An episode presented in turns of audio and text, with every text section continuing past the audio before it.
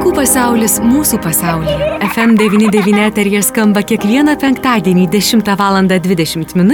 Kartojimo klausykite sekmadieniais 10 val. 10 min. ir internete fm99.lt. Šioje laidoje pasikalbėkime apie vaikų polisį, juk vaikai irgi turi teisę ir mokytis, ir pailsėti. Ar po darželio ar pamokų tikrai visuomet svarbiausia vežti vaikus į būrelius, skubinti juos ruošti namų darbus, o gal reikėtų pirmiausia pagalvoti, ar vaikas nepavargo ir kaip jam geriausia pailsėti. Apie tai ir pasikalbėsime šioje laidoje. Vaikų pasaulis mūsų pasaulis. Prie laidos finansavimo prisideda spaudos, radio ir televizijos rėmimo fondas.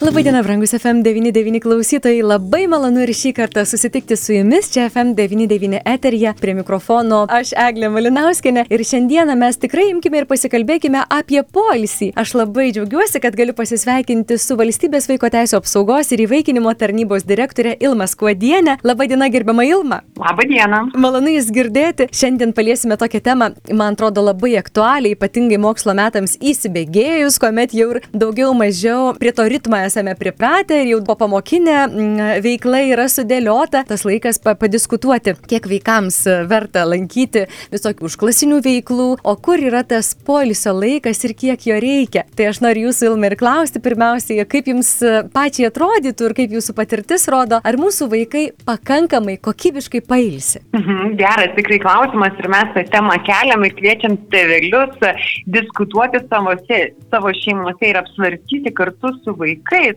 nes kiekvienas vaikas yra individualus.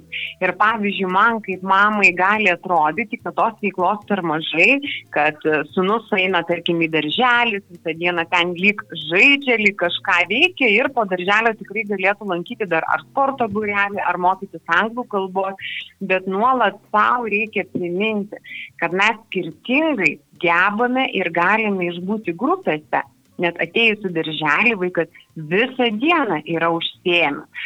Ryte pusryčiai, paskui piešimai, veikla, išėjimas, bet reikia nepamiršti, atrodo, kad tai yra visiškai linksma veikla ir žaidimas, bet iš tiesų tai vaikas turi susikaupti, užspausti kartais ir neretai savo jausmus, gebėti prisitaikyti grupėje ir joje išbūti ir kas svarbiausia, ypatingai, ypatingai mažo amžiaus vaikams išbūti be savo tevelių kad išbuvimas visą dieną, tarkim, jeigu kalbam apie darželį, tai vaikų tikrai yra nemažas iššūkis ir aš sakyčiau tikrai sunki darbo diena, bet tėveliam tikrai labai reikėtų gerai apsvarstyti, ar po darželio, po visos dienos, vaikučiui tikrai reikalingi būreliai ir ar jis jau yra pasiruošęs juos lankyti. Mm. Lygiai taip pat svarbu apsvarstyti ir mokykloje, ypatingai pirmoje, antroje klasėje, mes labai skubame padėti vaikams atrasti, ko jie nori, galbūt tą lankyti, galbūt aš kitą kartą pokalbį su teveliais išgirstu, kad jų vaikai tris ar net keturis būrelius lanko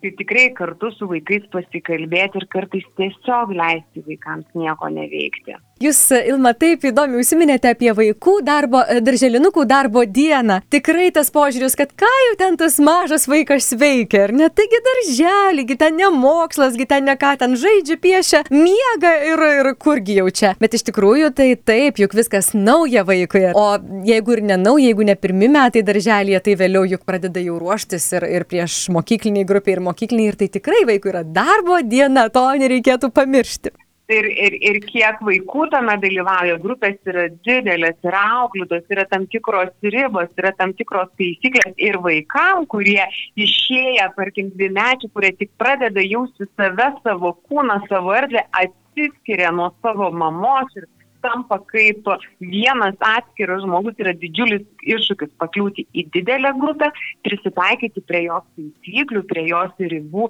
ir tai aišku sukelia didelį emocinį nuovargį.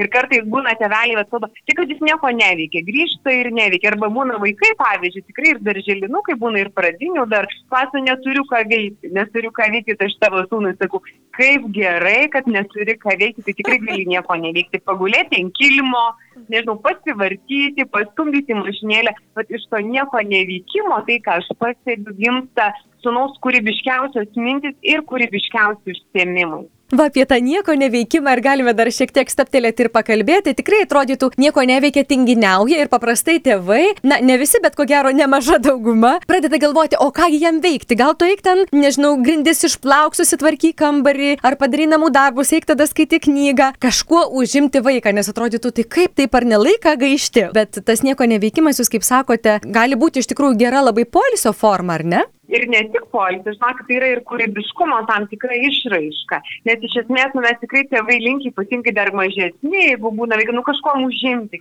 kažkuo palinksminti, užimti, tai čia bėgam, tai čia į lauką einam, dienotvarką sudėliom, tai valgom, tai skaitom, tai piešiam, bet iš esmės nieko neveikimas, kaip mes sakom, nieko neveikimas, tai yra vaikui tam tikra ir kūrybiškumo išraiška nu, vat, ką veikti, kai neturi ką veikti. Tai vat, tikrai yra gražių pavyzdžių, nežinau, kiek aš atsimenu ir, ir kiek pagal savo dalinių, kad tai kažką klyjuot pradeda, tai kažką kurt, tai kažką dėliot, tai, tai piešti ir pasirodo, kad nori ir piešti ir jam patinka, kur tie pieštukai. Aš ne, kad vaikai tada daugiau įsiklauso į save, į tai, ko iš tiesų jie nori, o ne tai, ką teveliai perkelia juos, ką jie norėtų veikti. Ir man atrodo, kad tas nu, tikrai nu, nėra nieko neveikimas, o tam tikros kūrybinės ir saviriškos formos. Kaip Jūs manote, Ilma, ar stebint vaiką, kuris, na, kaip sakykime, nieko neveikia, užsiema kūrybišką veiklą, ar tai yra geras metas tėvams kaip tik ir pastebėti, o ką vaikas veikia tuo metu, kuo jis užsiema, kokios mintys jam kyla ir galbūt pagal tai pamėginti nukreipti į tą užklasinę popamokinę veiklą? Labai gerai jūs sakote, tai būtent ir yra, kad vaikas po truputį būdamas su savim, su savo mintim, ieškodamas savęs, tai kuogi užsimti, mes dažniausiai ir pamatome, ką jis mėgsta. Nežinau, kiti vaikai būna pasileidžia muziką nu tikrai sako, noriu muzikos įjungti. Kiti vaikai būna, kaip jau minėjau, piešti nori, kiti tikrai būna, kad lego įsijungia, kiti dar kažką susigalvoti. Tai manau, kad puikiai, puikus laikas ir puikiai erdvė pastebėti ir tikrai nukreipti vaikus į galbūt jų talentų atskleidimai, galbūt jau tam tikrų, nežinau, naujų kūrybinių galių išraišką. Tai būtina ne tik visą laiką užimti savo vaikus arba stengti užimti, bet duoti ir jiems erdvę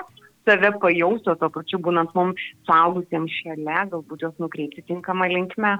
Na ir tuomet apie tą nukreipimą tinkamą linkme, jūs užsiminėte, kad esate girdėjusi, kad pavyzdžiui, pirmokas vaikas lanko tris ar keturis būrelius, tai kaip jūs patartumėte, kiek tos veiklos, kiek tų būrelių būtų, na taip, sakykime, naudinga, nežalinga ir, ir, ir vaikui, na, tobulėjimui galima būtų paskirti ir, ir paieškoti, na, sakykime, darželinukams, mokyklinukams ir jau paaugliams. Kaip jūs patartumėte, kur yra ta riba būrelių kiekio? Žinokit, tai yra labai individualu, tai yra labai labai individualu individualu ir, ir man atrodo, kad šitos skaičiaus tinkamo net nėra. Labai svarbu stebėti vaiko tiek emocinės išraiškas, tiek fizinės. Tikrai būna, kad vaikai pareina iš darželių ir, ir turbūt ir patys auginantis vaikus sutarėm, kad paėmė vaikutį iš darželio ir ypatingai mažesnė amžius net užmiega važiuojant. Tai turbūt jam krūvis buvo didelis. Yra, kad ir mokyklinė amžiaus vaikai sako, nu aš tikrai nebegaliu. Tai kiekvienas atvejis individualus ir labai svarbu stebėti. Vieniem galbūt reikia dailės, vaikai linkia kiti muziką, kiti sportą, kad reikia vaikams vystyti talentus ir padėti vystyti, užsimti ne tik mokyklos veikla ir pamokų ruošą, tai tas yra būtina, bet kiekvienu atveju individualiai stebėti savo vaiko, e, savo vaiko galbūt kryptį, ką jis linksta, ką jis labiau mėgsta, pakviesti jį, leisti pabandyti. Ir tai tą krūvį, koks jis tai yra, jį kiekvieną kartą nu, tikrai apsverti, pastebėti, kaip jis jaučiasi, kaip, kaip miega, nežinau, kiek spėja pailsėti, ar, ar nesutrinka jo mytyba, žinot, būna vaikai daugiau pradeda valgyti, valgo nerim arba mažiau, e, atvirkščiai valgo ir ypatingai grįžus po karantino, po to ilgo laiko tokio namų buvimo reikia neskubėti užkrauti didelį krūvį, reikia nepamiršti, kad vaikai po pusantrų metų, po ilgo laiko tarp grįžti į mokyklą. Dalis vaikų pereina į paauglystės laikotarpį, tai reiškia, keičiasi kūnas, keičiasi balso tonas, jie turi vėl iš naujo save atrasti grupėje, klasėje, atrasti save savo vietą ir tas emocinis krūvis prisitaikyti vėl prie naujo ritmo, prisitaikyti prie mokyklos, prie mokymosi tempo. Neretai girdime, kad ir mokytojai sako, grįžo vaikai, per pamoką pradeda vaikščioti, kalbėtis, kad tos ribos pamokos metu jos išsivaikščia, nes tikrai vaikai prie kompiuterio priprato išjungti ekraną, eina pasiema cigerę, sugrįžta, reikia nueina į tualetą ir ypatingai pradinių klasių vaikai grįžo, atsistojo, išėjo į tualetą, bet jeigu kalbant su mokytis, nu koks skirtumas grįžus vat, po, po karantino, sako, nu vaikai jaučiasi galbūt laisvesni ir tos taisyklės, ribos, nu nėra, nėra tokios jau labai artimos, kad iš naujo reikia mokinti. Ir čia emocinis krūvis yra labai didelis. Tikrai tiek paaugliams noriu atkreipti, nes tikrai paauglystė yra nepaprastas laikotarpis ir tai, ką mes girdėjom, kad tėveliai kalbinėja vaikus grįžti į mokyklas, nes kai tu pripranti metus pusantrų būti vienas šiame laikotarpiu, tai yra nepaprasta ir grįžti į mokyklą, vėl pritapti prie grupės, prie klasės, besikeičiančių kūnų savo balsu, tai yra tikrai nepaprasta, todėl tikrai kiekvieno tėvelio reikia labai pasikalbėti šiuo laikotarpiu, ką norėtų lankyti, kas galbūt padėtų pailsėti, kas padėtų atsipalaiduoti, kokios formos gali tai būti muzikos, net terapija, nauji dalykai. Reikia netmesti, kad puikūs užsiemimai yra meno terapijos, piešimo, muzikos, nežinau, jogo, galbūt sporto kažkokie, kurie galėtų ypatingai paauglystės laikotarpį save priimti, suprasti ir būti, padėti būti grupės dalimi. Na, iš tikrųjų, juolab, kad kalbant apie tą užklasinę veiklą, apie būrelius, tai tikrai ne visi jie yra poilsio, na, tokia galimybė. Tikrai nemažai jų yra, kurie tampa, na, pareiga,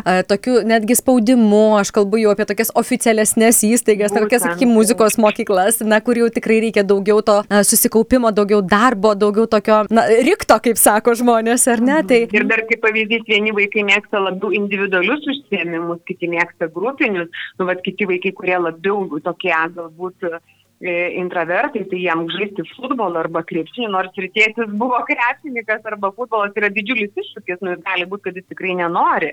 Tai reikia labai stebėti, nu, jam pakliūti į didelę komandą ir rūpiniausi jo, nu, gali būti tikrai, nu, nu, neįveikiamas iššūkis ir teveliam reikia nuolat persvarti per save, ar aš norėjau būti futbolininkas ir čia mano yra aistra, kad sunus ar dukra žais, ar čia tikrai yra mano vaiko pomėgis ir jo pašaukimas būtent daryti daryti tai, ką jisai nori ir užsimti tai, kuo jis nori. Čia toks, tikrai mums nemažas kaip tevelėm iššūkis atskirti, ar aš tenkinu savo ir vytų savo vaikučio talentus, ar aš dar savo užmirštus talentus atsinešu. Na, jūs, Ilma, užsiminėte dar mūsų pokalbio metu apie miegą. Labai svarbu stebėti miegą. Jeigu šiandien ta tema - polisis, vaikų reikalingas irgi polisis, pakalbėkime šiek tiek apie miegą, nes tikrai neretai tampa suaugusiems, ypatingai dažnai, ypatingai paskutiniu metu. Vaikams irgi jau po truputį, na, įsigalioja tokia norma, kad e, atlieki darbus, mokaisi, naršai internete miego sąskaitą. Tai kiek svarbus yra tas miegas mūsų vaikams? Miegas yra labai svarbus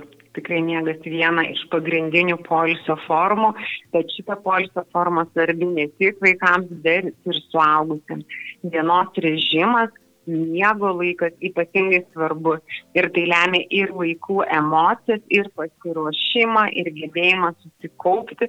Tad teveliam po karantino ir ypatingai kur anksti reikia keltis, žinom, kad ir didžiuosiuose miestuose yra atstumai iki mokyklų, tai būtina laikytis režimo ir atlaikyti tas ribas, kad kaip anksčiau eiti miegoti ir kad vaiko miegas būtų užtikrintas paros metu. Ir svarbu pasakyti, ne tik mažų vaikų, bet ir paauglių. Kai kūnas auga, kai kūnas keičiasi, tai miegas vienas, vienas iš pagrindinių poilsio formų ir pagrindinių, kuris reguliuoja visą mūsų emocinį lauką. Ar mes galėtume aptarti tuomet, kiek valandų reikėtų miegoti vaikui, na, tokios šiek tiek tikslios informacijos. Žinau, kad kiekvienas žmogus yra, na, individualus, bet vis dėlto vaikai yra ta e, kategorija žmonių, kuriems ilgiau reikia miegoti nei suaugusiems. Paugliai taip pat, kaip jūs minėjote, tai koks yra tas laikas gero polisio, miego? Aš na taip jau labai tiksliai nepasakyčiau, turbūt kiekvienas, kiekvienas individualiai, bet man atrodo, kad tikrai vaiko mokykli, mokyklinio amžiaus pradinių klasių, ypatingai ypatingai darželio, tai 9 valandos vakaro, pusė 10, tai tikrai yra jau besiruošimas miegui, poilsiui ir ryte, jeigu keliame 7-8, tai man atrodo, tai būtų optimalus laikas skirtas miegui. Aišku, savaitgalį gali būti laikas kiek vėlesnis ir vėliau gal kažkiek keliamas, bet labai svarbu išlaikyti bendrą ritmą, bendrą dienotvarkį ir kad vaikai labai neišsivaikščiotų tarp miego ir poilsio valandų. Ypatingai turbūt reikėtų atkreipti dėmesį į pradinukus, į pirmokus, kurie dar darželio laiku turėjo dar ir pietų miegą, o čia prasideda mokslai ir pietų miegas jau kaip ir tampa privilegija kai kuriems vaikams, ar ne? Ypatingai tiems, kurie lanko prailgintas grupės, kurie lieka po pamokų ir grįžta namo tik vakare, tai tas miegas naktinis turbūt įgyja ypatingai didelę reikšmę ir kuo ilgesnis turbūt, ar ne? Jūs labai gerai pasakėte dėl pirmokų, kad pirmokam tai yra ypatingas laikotarpis, jų pasiruošimas mokymosi procesų, kaip žinia, jie išeina į visai kitą jau pasaulį ir kitą užimtumą. Tai būtina pirmoje klasėje ypatingai apsvarstyti, kiek ir kokių burelių yra pajėgus lankyti ir užsimti jūsų vaikas. Tai čia mhm. labai svarbu. Nes pirmokai tikrai ypatingą emocinį krūvį jaučia pirmą pusmetį, kol prisitaiko prie klasės draugų, prie ritmo, kaip jūs ir minėjote, visą dieną išbūti užimtume ir tame užimtume sugebėti ir rašyti, ir pažinti raides, ir skaičiuoti, ir draugauti, ir prisitaikyti. Tai iššūkis pirmokam yra tikrai, tikrai nemenkas. Mhm. Aš atsimenu, mano berniukas būdavo ir septintą vakare užmiega nu tikrai nuovargis, jisai pirmą pusmetį ypatingai jaučiasi. Taip, tikrai. Tai Ilma, mūsų pokalbio pabaigoje dar prašysiu jūsų kelis svarbiausius aspektus, na taip, sukonspektuoti tėveliams ir globėjams, na ir tiems žmonėms, kuriems rūpi vaikai ir jų poilisis. Ką svarbiausia atminti, kad, na, paskui netektų kažkaip sriepti košės, vien dėl to, kad nesugebama iš tikrųjų taip išbalansuoti to poilisio ir, ir, ir darbo laiko vaikų. Mhm. Turbūt man atrodo labai labai svarbu pasakyti, kad geriausias poilsis ir geriausias laikas tai yra kartu su vaikais, kai teveliai užsima, kai kartu kažką veikia.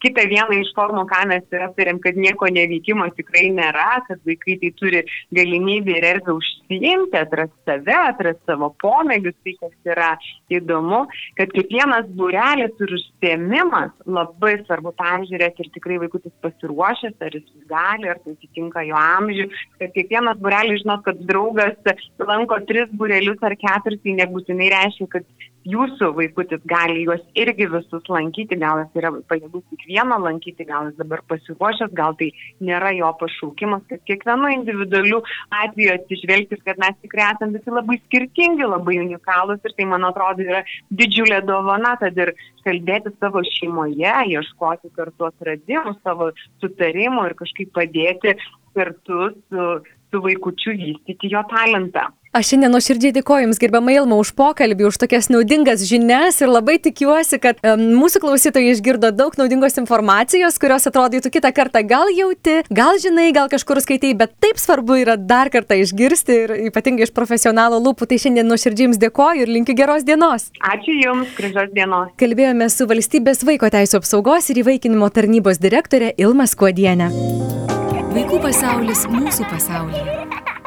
Prie laidos finansavimo prisideda spaudos, radio ir televizijos rėmimo fondas.